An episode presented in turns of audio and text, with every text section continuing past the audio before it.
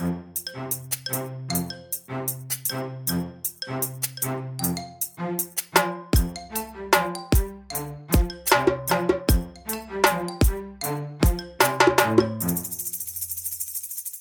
välkommen tillbaka till Stacken tillsammans med mig, Daniel Gustafsson och Kim Hindart.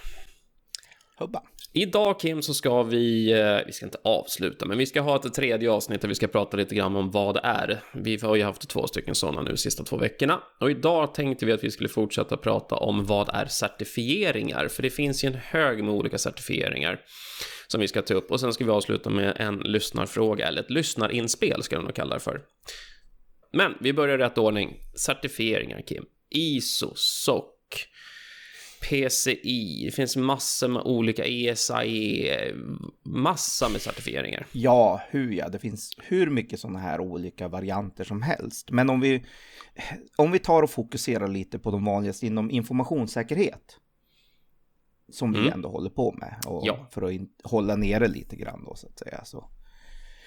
Ja, många efterfrågar gärna saker ibland och så mm, i många fall om du är till exempel leverantör som vi är så kan det ju vara drivet av eh, krav i upphandlingar eller krav från kund. Mm. Och det är mycket därifrån det kan komma liksom då. Så här, att ja, har ni det här eller har ni det här? Därför att, för att vara tydlig, det finns jättebra ramverk för vad man bör göra för kontroller, det vill säga informationssäkerhetskontroller. Mm. Och då för att förklara vad en kontroll är, det kan vara en sån grej som har ni en IT-policy? Just. Ja, det är bra att veta. Ja, det är bra. Har ni klassat er information? Sätter ni bra etiketter på er information? Mm. Ja. Gör ni bakgrundskontroller av er personal? Mm. Ja, det är en bra kontroll. Kontrollerar ni att er personal har rätt utbildning? Kompetensutveckling, ja det är en mm. bra kontroll. Mm. Eh, kontrollerar ni att er personal mår bra? Vi har pratat lite om det här med kultur och Just den biten. Ja, det är också en bra mm. kontroll.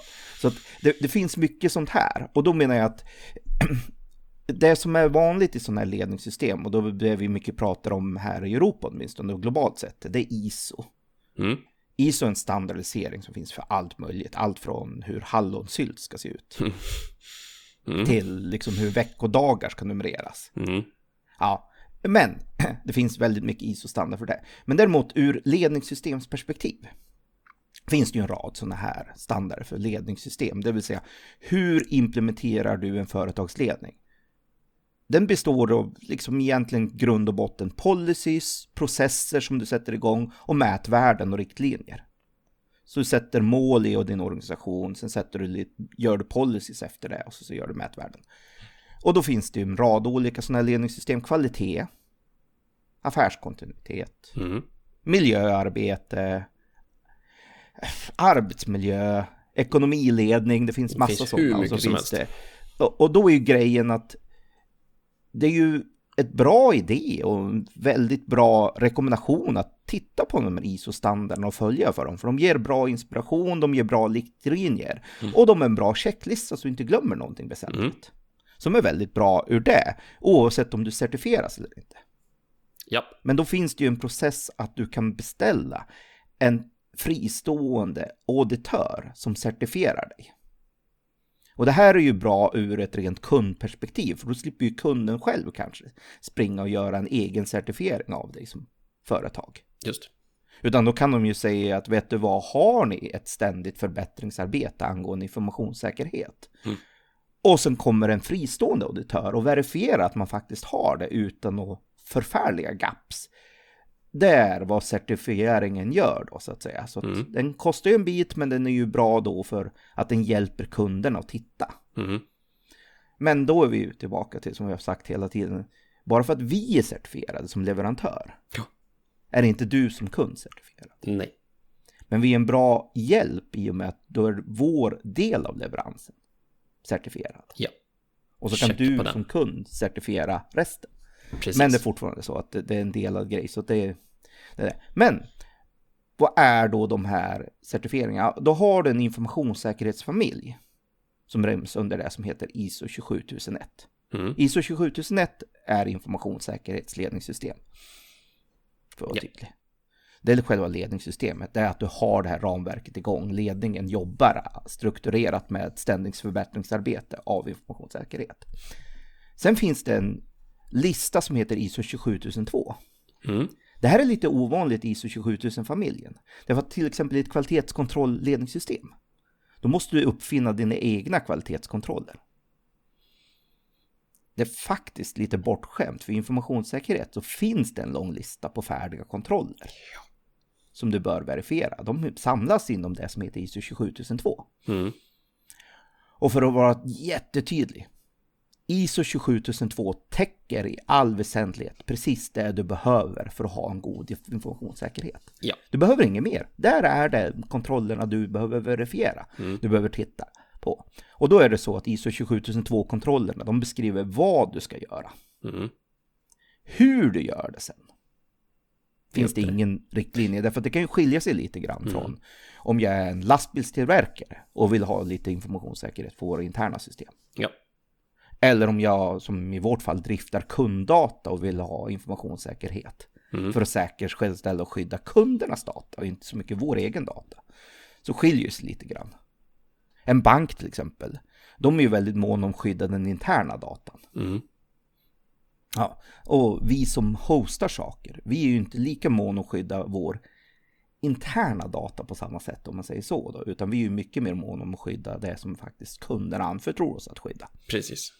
Så det där är ju viss skillnad. Och det är ju då man sätter det i sin, som man säger, det ingår i ledningssystemet att sätta det kontextualiserade som man säger för fint. Mm. Det vill säga analysera den egna organisationen och sätta informationssäkerhetsarbetet i proportion till det. Mm. Men det finns en lång lista på kontroller. Hur, då beskri hur beskriver man då hur man gör det? I det som heter Statement of Pickability. Mm. Så, vad är grejen med Statement of Pickability? De kan skilja sig ganska så ordentligt åt mellan leverantör till leverantör, företag till företag, i eh, certifikatsägare till certifikatsägare. Men i SOAT, som man kallar det för, Statement of Applicability, så står det, och det är det man ska läsa som kund, eller om jag ska ge mig i kast med att bli partner med något företag som säger att vi har ISO 27000, kanon, får jag titta på ditt SOA, det publika versionen, för det finns oftast ett internt och ett externt publikt. Den publika versionen kan jag få titta i den.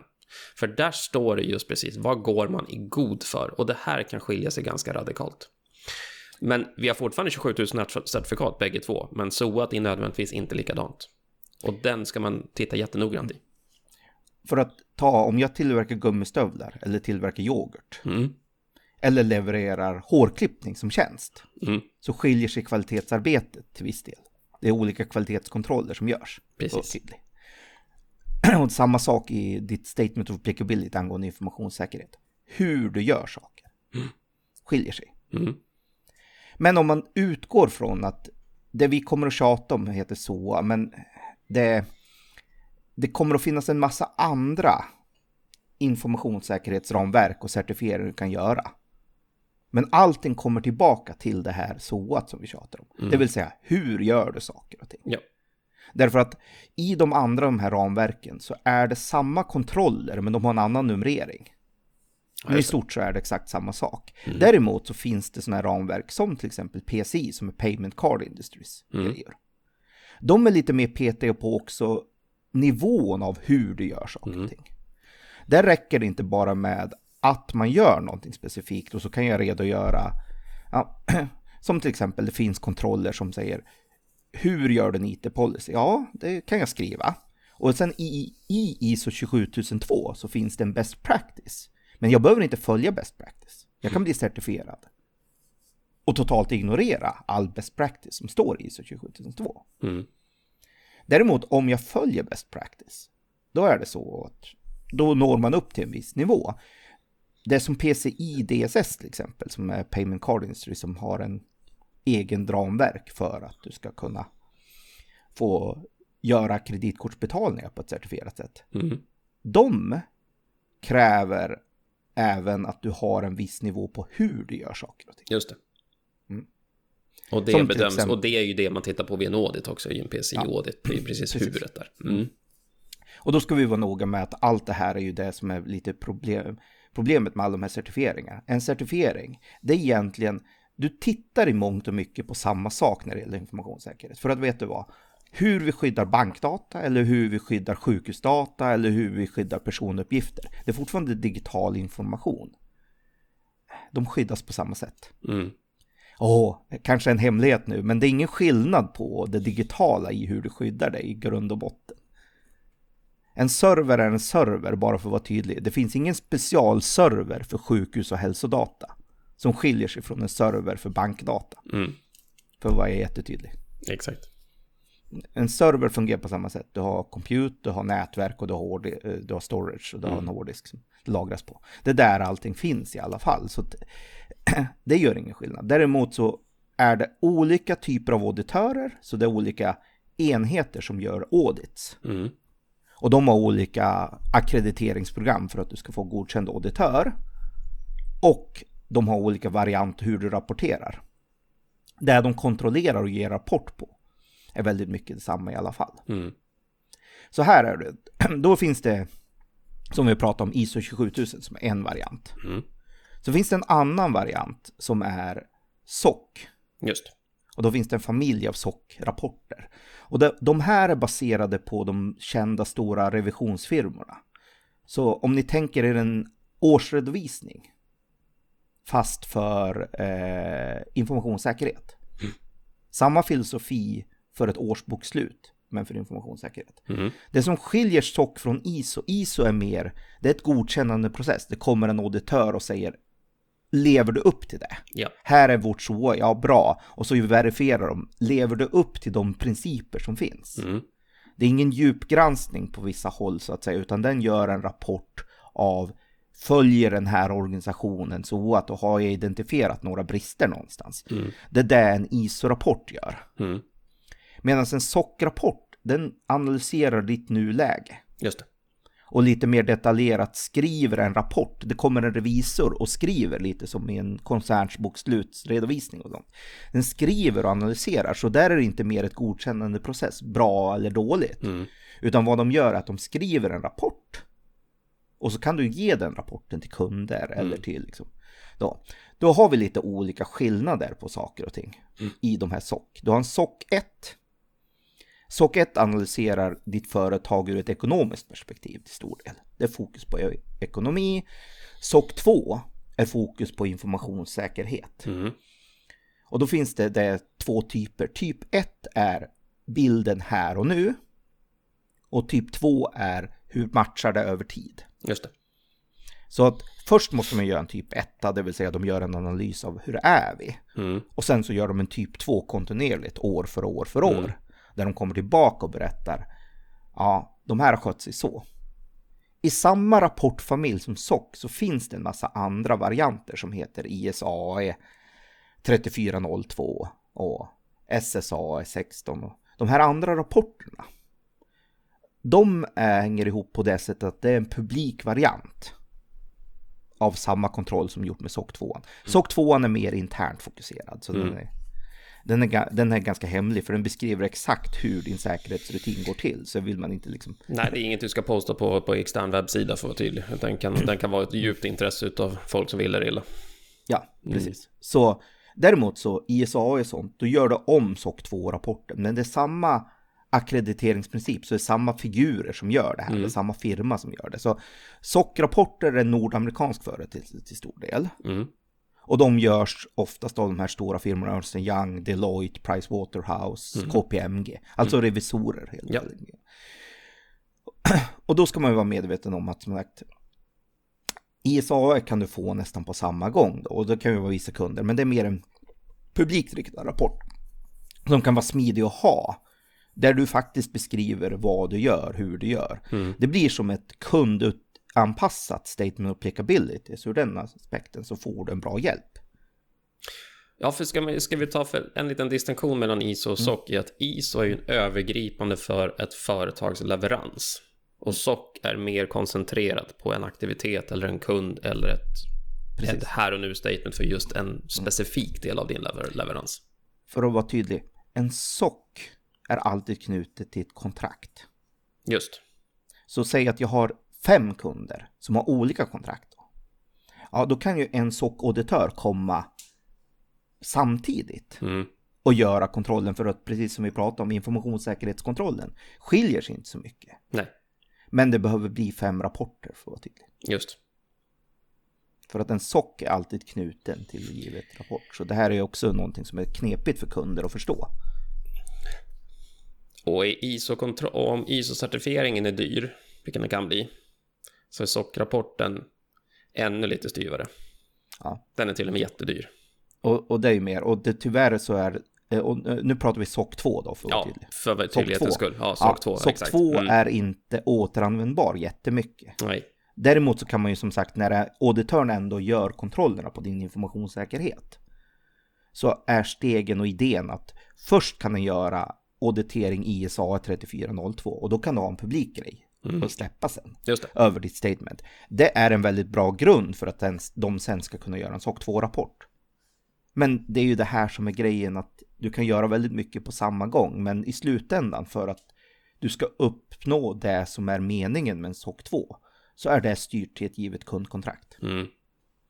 Så där måste det vara en sån slutrapport per kund. Precis. Sen att det blir lite bara extra on top av det och du kanske kan effektivisera genom att göra det. Det är många som gör så. Mm. Men man ska vara medveten om att det är ändå styrt per, per kundkontrakt Exakt. på SOC 2. Sen har vi det som är nu SOC 3. Mm. Som i mitt tycke är det som egentligen borde vara det som alla kunder frågar efter. Men de inte riktigt förstår. Alla och frågar efter 3, SOC, för, för, för, för alla frågar efter SOC 2 ja, Nästan SOC uteslutande. SOC 3 är den publika varianten av en SOC 2. Just. Så det är en mer avancerad variant än ISA 3402. Mm. Men det är ändå en publikt ämnad variant. At large. Mm. Så det är samma filosofi som en SOC 2. Auditör kommer och granskar oss. Men då granskar de bara oss som leverantör som helhet Mm. i vårt informationssäkerhetsarbete. Ja. Inte specifikt kundkontrakt. Nej. Mer snarlikt ISO-beteendet. Precis. Mm.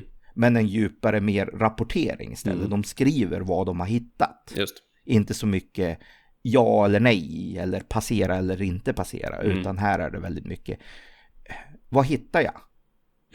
Och så skriver de det i sin Mm. rapport och så en, deklaration och så ger Mm. de tillbaka det. Om de har några findings så vad har vi tittat på? Mm. Hur har vi tittat på det och vad hittar vi där då? Mm. Så det, och det kan vara både bra och dåligt. Men det är det de gör, en rapport istället så att säga. Och den är lite mer omfattande. Men här har vi SOC-linjen då. Sen finns det en massa andra sådana här industristandarder. Du har Cloud Security Alliance som har sin certifiering. Mm. Du har, som vi pratade om, Payment Card Industry, PCI, som Ja. har sina certifieringar i olika nivåer. Det mesta av det man kan säga generellt, det är att de har olika krav på olika typer av rapporter och olika krav på hur du ska få vara auditör. Det är inte alls säkert att din ISO-auditör kan göra, är akkrediterad och göra en SOC-rapport. Men det kan vara så. Mm. Det är inte alls säkert att din eh, eh, auditör för att få godkänna en PCI-rapport kan vara akkrediterad för att göra ISO, men det kan vara så. Kan vara så. Men det är samma grejer de kontrollerar. Så att om du börjar med ett ramverk och håller dig till det så kommer du ha väldigt mycket gemensamt. Mm. Som du kan liksom lämna ut och ge, ge tillbaka. Men det är i alla fall hela grejen där att det är lite olika typer hur rapporterna ser ut och det är lite olika vad de faktiskt verifierar och kontrollerar. Mm. Men i stort så sköts det. Och då har vi de här andra, HIPPA som är hälso och sjukvården. Mm. Och sen så till råga på allt så har vi en massa lagar. Ja, Som absolut. myndigheter som Ja. lägger på lagar. Eller GDPR känd som. Ja, Och för att ha räddat lite i den här djungeln av allt möjligt konstigt sånt där. Så beslutar sig EU för att faktiskt lägga allt det här på en och samma enhet inom EU, ENISA. Som är EUs EU cybersäkerhet och informationssäkerhetsmyndighet. Ja. Och de har nu satt ett jättejobb i att försöka sätta en universell standard. För alla de här, framförallt regelverken. Mm. Du har Payment Service Directive som är en regel. Du har NIS-direktivet som är en regel som alla har krav på informationssäkerhet. Och du har GDPR som har krav på informationssäkerhet. Mm. Och då är det mer, hur vet jag då vad är bra eller inte. För GDPR skriver du ska ha de tekniska och organisatoriska säkerhetsåtgärderna som är nödvändiga. Klart va? Och juristen säger för lagen. Ja, Ja. så var vi hemma. Och teknikern säger åh vad, vad, vad obviously klart. Och det hjälper mig i, jaha, Ja, just det. Ingenting, nej. nej. nej. Vad innebär det faktiskt praktiskt för oss? Mm. Mm. Så det här är ju en massa sådana här. Så att vad EU har nu försökt göra det är att faktiskt sätta en standardnivå på hur är en lämplig nivå? Mm. Hur hög är en nivå? Hur många millimeter stål ska jag ha på min vägg för att den ska vara skyddad så? Mm. Lite mer konkret, to earth, exakt, Exakt. standard satt så här. Ja. Och då har de faktiskt tänkt rätt tycker jag, Nissa, i sin nya certifieringsmodell. Och det är att de sätter olika nivåer. Just det. Väldigt mycket av de här, som jag sa, SOC, det är en ren rapport, de skriver sina findings. Så, så Mm. måste du läsa rapporten. Och komma fram till eh, vad som står i den. Mm. ISO, det är väldigt mycket certifierad eller inte certifierad. Och sen kan du skriva vad du vill i ditt SOA, men det är väldigt mycket antingen certifierad eller inte. Mm. Det är bara en nivå av av eller på där också. Mm. Eh, så att det ger inte så mycket flexibilitet.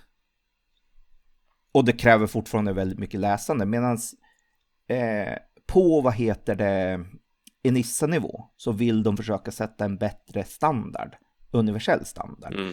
Där de säger att det här är olika nivåer, olika grader av hur bra skydd du har. Ja.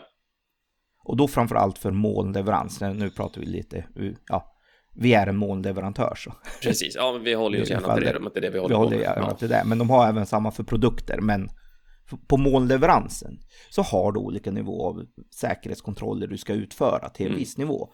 Och då har du tre nivåer på Enissa, Basic, Substantial och High. Mm. Så du kan sprida dig i dina tjänsteleveranser. Precis. Och certifiera dig på tre olika nivåer, vilket jag tycker är jättebra. Nu är inte ISO satt, Enissa satt som en standard än. Nej, Så- men jag skulle nog kunna tro att den standarden som de, eller den tanken de har, kommer att mappas mot de standarder som finns. Det är nog så, tror jag, att det kommer bli på sista raden. För det känns jättekonstigt om Enissa skulle komma med en egen standard som blir konkurrens mot 15 andra standarder. Då är det inte så standard längre, för att vara tydlig. Nej, så de mappar ju bra. Men hur gör vi då för att säkerställa att vi redan nu faktiskt följer Enissa? Jag vill lyssna på tysken. Precis. Mm. Och för att komplicera det ännu mer här då. Så har tysken en egen standard angående moln. Ja. Så tyska dataskyddsmyndigheten, vår IMY-motsvarighet, Mm. och integritetsskyddsmyndigheten, gamla Datainspektionen, för Exakt. som tänkte med. Så IMY är gamla DI. Och deras motsvarighet i Tyskland heter BSI. Ja. Och då har de gjort en helt egen informationssäkerhetsstandard för moln. Och då kan man utan att vara allt för djärv och risktagande Mm. anta att den tyska molnstandarden kommer matcha väldigt bra med Enissas standard för säkerhet angående moln. Ja. Ja. Så BSI C5 heter den standarden. Mm. Och då måste man veta att BSI C5 mappar väldigt väl mot ISO 27000.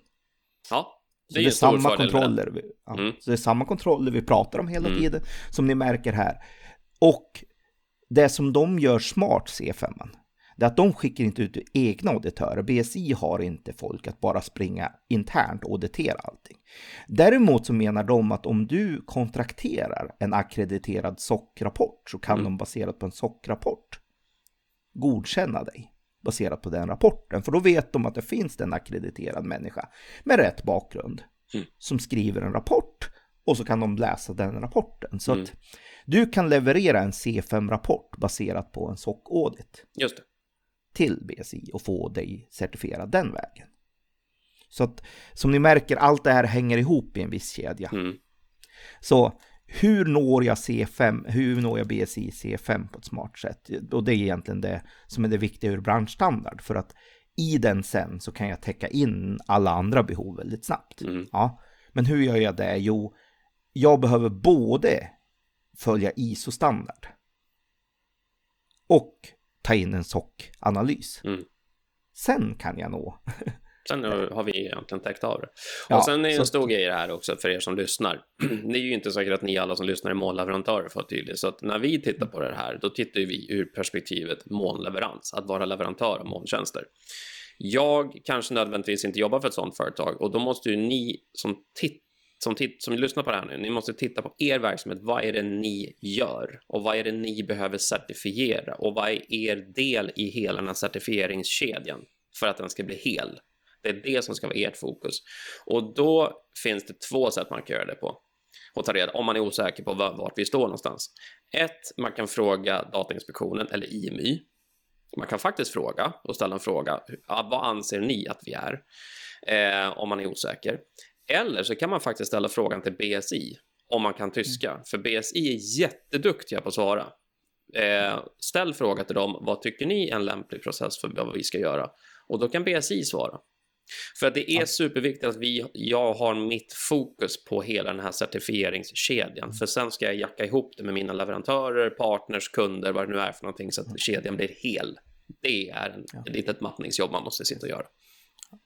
Men för att vara tydlig, det är samma jobb. Så att om ni bara startar från ISO, vilket är min rekommendation, Mm. så når ni allting vad ni, vad ni ska göra. Det är Mm. lätt. Och sen är det bara en fråga om att nå det på rätt detaljnivå, men ni kan innefatta allting annat Mm. i den ISO-standarden. Och i övrigt så är det bara vad måste jag beställa in för auditör och vad måste jag beställa för slutrapport för att få ut det. Ja. Och, och det är alla annan certifiering i praktiken Mm. gjort. Så. så det vill säga, ja. Och det är ju där själva certifieringarna kommer från. Du kommer en Nisse som är akkrediterad skriva en rapport och de gör en rapport. Sen kan det vara för ISO-certifiering, det kan vara för SOC, det kan vara för PCI, Mm. det kan vara för HIPPA, det Mm. kan vara för alla möjliga sådana här. Men i slutändan så har du ett hygieniskt informationssäkerhetsarbete och följer de kontroller som står i ISO 27000 Mm. Mm. så täcker du, kan du täcka in alla de här, bara liksom baserat på att du anpassar hur du gör saker och ting. Mm. Men tyvärr så är det så att en ISO 27000 rapport kan inte per automatik användas för att skapa en SOC 2-rapport eller något sånt. Man kunde ju tycka det vore smidigt, men så är det inte. Däremot, däremot så är ju inte ditt jobb när du gör det ogjort. Nej, på inget sätt. För allting kommer ju till det att du ska ju faktiskt praktiskt tillämpa Mm. dina informationssäkerhetskontroller. Ja, och det för att vara supertydlig om vi nu ska prata high level certifikat. Det gör ingen nytta att ha ett papper i en perm som säger att jag har certifikat. Mm. Det är värt lika mycket som det var pappret var tryckt på kan jag säga. Mm. Jobbet är ju att ni faktiskt har implementerat de kontrollerna i er verksamhet och att ni jobbar efter det. Och då är det ganska lätt att göra resten, för då är det bara att någon kommer och rapporterar att Mm. jajamensan, vi gör det. Sen kommer formatet på rapporten se olika ut för att tillfredsställa olika behov. Mm. Och det hade man ju kunnat tyckt vore, liksom, men det, det går ju ifrån deras affärsmodell lite grann att Jo. samverka. Ja, Det hade ju varit dumt. ja eller hur? Tänk om jag hade kunnat effektivisera det. Det hade varit jätte... Ja. Men Mm. här är det. Men i alla fall, hoppas vi har försökt reda upp lite i djungeln här. Då. Mm. Men för att vara tydlig, de europeiska lagarna som vi är, är måna om att fundera på, framförallt GDPR. Mm. Hur gör vi saker? Ja, det kommer att komma från en NISA. Mm. Men var beredd på att det är baserat på ISO 27000-kontrollerna. Mm. Så redan idag kan ni förbereda genom att följa C5, Mm. BSI C5. Ja. Och då vet jag, jag vet i alla fall när vi följer BSI C5 så kommer vi att klara i Nissa väldigt bra. Så Mm. vi är redan förberedda och preppade för det. Mm. Så att det kommer vara en minimal anpassning om någon Mm. när Nissa väl kommer med sin certifiering sen Just det. klar. Om vi vet att vi har C5 matchade bra på C5 som Ja. det är. Nej, följ tysken. Stark rekommendation. Det är väldigt lite tysken säger som inte blir sant inom EU, sen har vi lärt oss över åren. Så att, Mm. Yes. har de satt någon form av eh, det här tycker vi var lämpligt, då brukar EU haka på. Ja. Mm. Och då är vi tillbaka till ursprunget. Vad är det som krävs för C5? Men jo, jag måste ha ett ISO 7000-certifikat och jag måste ha en SOC 2-rapport. Ja, Tata, här Ja, var hela precis liksom, var vi där igen. kedjan tillbaka. Mm. tillbaka. Men, ja, det. Men då är det en väldigt lätt grej sen att anpassa även PCI och sånt. Det är Mm. bara att ta in en auditör, gör kontrollen och få rapporten som Mm. är väldigt mycket. Så där blir det en enklare grej. Sen har du sådana här branschstandard som GSMA som är för teleoperatörer och ja, du vet. Mm. Allt möjligt olika. Men som vi sa hela tiden, Grundläggande hygieniska informationssäkerheten, om ni funderar på vad är det vi faktiskt behöver göra, ta hem ISO 27000. Mm. Den finns att köpa, det är en standard, global standard som Mm. finns som fina pdf-dokument. Där är en jättebra början på allting. Mm. Ja, jag håller med. Ehm, bra, då har vi täckt av det. Vi ska prata om en sak till innan vi stänger, butiken. Vi fick ett mejl ifrån en lyssnare i förra veckan eh, som vi är jättetacksamma för.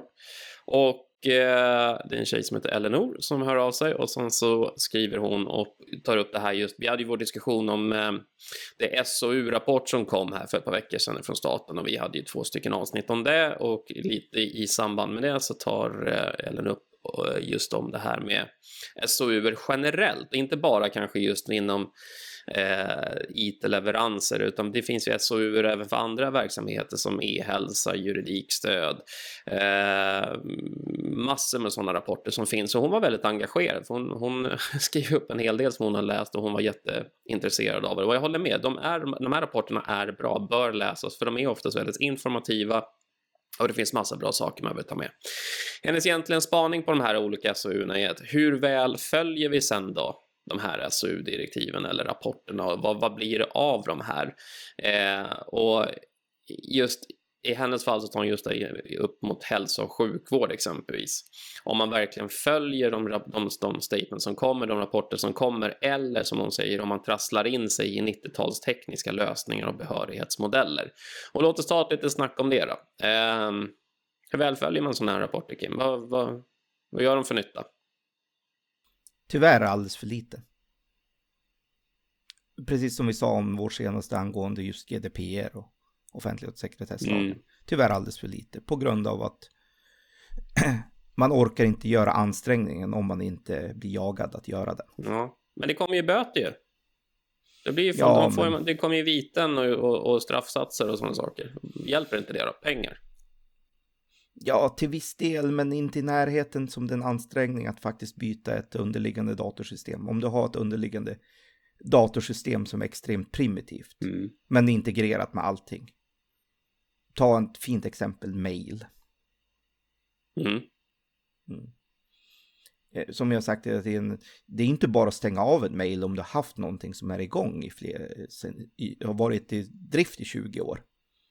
Mm. Du har en otaliga interaktioner som du sällan har en aning om konsekvensen av.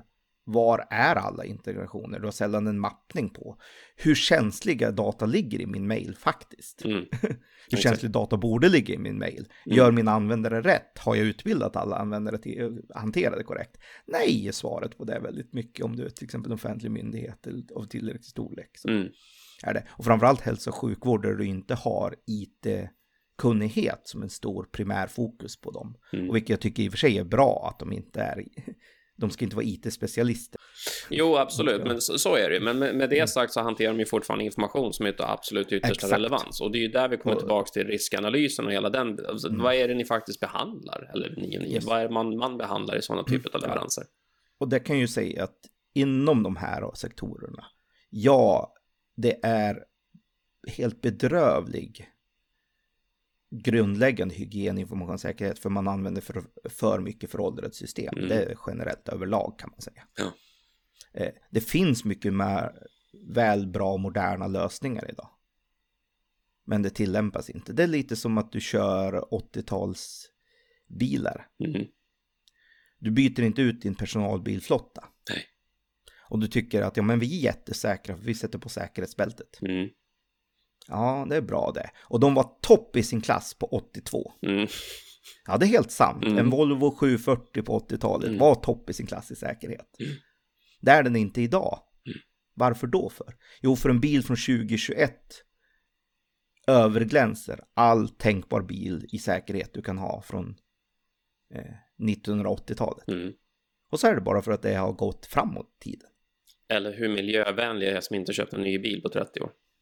Det är också en sån här grej som man kan fundera på. Ja, det Men är det ja, miljöaspekten är en helt Låt oss gå in på en annan. Men jag, säger, men hon, jag håller med Elinor i sin spaning om att det finns ju massa sådana här SAU-direktiv i olika sammanhang. Mm. Och egentligen, vad är outcomen av dem? Och framförallt, följer man dem? Vad gör man åt dem? Börjar man liksom anpassa sig efter dem? Och finns det den här clinchen mellan rapporten, viljan, ambitionen av vad vi tycker är rätt och fel, men att vi sitter fast i gamla styrverk som också gör att vi inte kan förändra oss i den takt vi behöver oss. Lite som hon säger, lite 90-talsträsket man sitter kvar i. Och det här är ju något du och jag pratar om också, att i andra sammanhang att lagar gärna generellt säger att ja, nu ska vi följa lagen för vad som är sant 2021, men vår verksamhetsproduktion sitter kvar i någon, någon 80-talsmiljö som liksom inte går att uppdatera eller inte går att förändra eller vi kan, vi kan inte röra på oss snabbt nog och då, då, sit, då hamnar vi i en teknisk clinch med vad ett lagverk tycker eller vad en rapport eller vad det nu är för någonting, vad, vad, de, vad de genererar tillbaka. Och och hur kommer man ur det? Det är ju en, en jättebra fråga, men det är ett problem för det är som du säger, det är ju skapar en tröghet och en ovilja att vilja förändras. För man vet hur jäkla svårt det är. Mm. Och det här är ju ett problem, men i slutändan så är det ju lite svårt att man kan inte komma ifrån det. Om man eh, tänker, om man jämför med tillverkningsindustrin då. Mm. Jag har asbest i min tillverkning. Mm. Och det har varit grunden i hela min tillverkning. Jag skulle behöva ändra alla produktionslinjer. Mm. Det kan ju inte vara tänkt att jag måste göra det. Jo, alla var tvungna att göra det, tyvärr. Man fick inte asbest i sin produktion. Nej. Det är många ämnen man inte får ha som man hade en gång i tiden i sin produktion. Mm. Som man inte får ha. Jordbruket samma sak. Mm. Varför får inte DDT hela åkern? Ja. Kemikalier. Jo, det, sig att det var inget bra. det var inget bra alls. Kemikalier så, och allt vad det för någonting. Mm. Så det, det, fick man inte göra. Så att nej, alltså teknologin går framåt och det är bara tyvärr att man måste anpassa sig. Mm. Det jag kan sympatisera med det är att cybersäkerhet hängs ju inte med i de branscher som inte är riktigt specialiserade nej. på det. Det är samma sak. Men för den delen så lösningen är inte att bli analog och använda papper och penna heller. Nej. Det är inte lösningen. Lösningen är att uppdatera sig och inse att vi måste alla engagera oss i cybersäkerhet. Mm. Det är en allmänbildning som bara måste börja komma och finnas. Mm. För att tyvärr, vi är, all, vi är alla digitala idag. Den som säger att jag kan klara mig hela mitt liv idag utan att vara digital ja, de ljuger. Det går. Ja, nej, vet du vad, den tiden är förbi. Eh, inte om du vill ha någon form av relevans och substans i dagens samhälle. Så så nej, är det så, så vi sitter alla digitalt, fast i den digitala fällan. Mm. Och då är det dags att vi behöver engagera oss om hur agerar man säkert också. Precis som med vilka annan trafikvett som helst. Om jag inte alls förstår hur trafikreglerna funkar och anser att det är inte upp till mig att bry mig om hur de funkar. Mm. Det måste någon annan berätta. Ja, du blir ganska snabbt överkörd då. Du blir påkörd om du inte förstår. Ja, så det, det, är viktigt att man börjar lära sig det här och grundläggande säkerhetsvett digitalt mm. är någonting vi alla måste engagera oss mm. i och det är där man får börja. Men då krävs det en kultur. Det krävs en kulturförändring, precis exakt. Och det är egentligen oberoende bransch. Så att, eh, men jag håller med. Jag tackar Elinor för, för hennes inspel i diskussionen i alla fall. Och ju som sagt, eh, vi hade vårt fokus på, på den rapport som kom angående eh, vad som är rätt och fel inom dataleverans inom molnvärlden just nu. Men det finns ju fler sådana rapporter som påverkar även andra industrier och andra verksamheter som är relevant att titta på. Eh, och det är bara kul att höra att det är fler som läser de här rapporterna, för de är ganska långa, men, men de är nyttiga att, att gå igenom och de är eh, informativa och man bör ta åt sig av det som står i dem. Yes. Eh, med det sagt, vill ni göra som Elinor och skicka in antingen inspel eller frågor eller ha, vara med i debatten så hör av er till oss på sitnetwork.se podcast så kan ni göra det där. Där hittar ni också information om alla avsnitt så, som vi lägger upp dem. Eh, vi vill bara tacka för alla som lyssnar på den här podden. Jag vill bara säga det, för det säger vi för, för sällan. Eh, ni blir fler och fler och det är vi jätteglada för.